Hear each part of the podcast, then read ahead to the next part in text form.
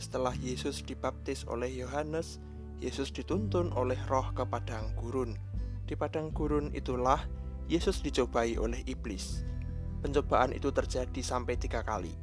Yang pertama kali ini yang akan kita perhatikan, yakni ketika iblis menyuruh Yesus mengubah batu menjadi roti. Padang gurun, tempat Yesus berada, adalah tempat yang gersang, kering, dan sepi Tempat itu terdapat banyak semak dan permukaannya berbatu-batu.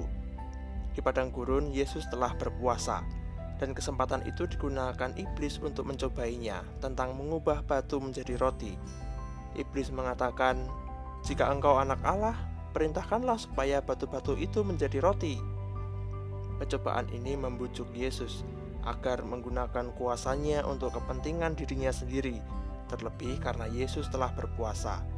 Pencobaan ini bukanlah peristiwa fisik jasmani, melainkan juga adalah peristiwa spiritual rohani.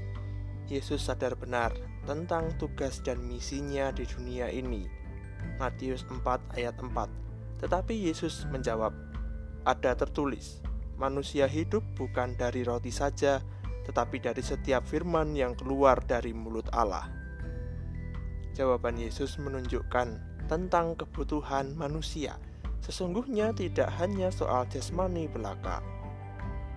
Ketika orang kelaparan, penyebabnya bukan soal ketiadaan makanan, namun barangkali ada faktor penindasan yang memerlukan intervensi keadilan, kemalasan yang memerlukan koreksi terhadap orang itu, ketidakpedulian orang lain sehingga memerlukan penyadaran untuk saling memberi dan memperhatikan, atau ketidakmampuan seseorang mengusahakan kebutuhannya sendiri sehingga perlu membangkitkan semangat untuk belajar dan berkembang. Perihal kelaparan dalam diri manusia juga tidak melulu tentang lapar secara fisik, tetapi lapar secara rohani, karena manusia ada, karena yang jasmani dan yang rohani juga. Lapar secara rohani tidak dapat dipuaskan dengan materi atau sesuatu dari dunia ini. Lapar secara rohani dipenuhi oleh Allah dengan anugerah dan rahmatnya yang mendamaikan manusia.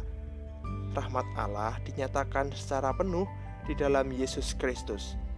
Kehadiran Kristus menegaskan kebutuhan manusia untuk hidup, yakni hidup dari firman Allah. Yesus adalah Sang Firman yang menjadi daging, berada di tengah-tengah manusia. Keberadaan Yesus Kristus menunjukkan bahwa manusia selalu hidup bersama Sang Firman.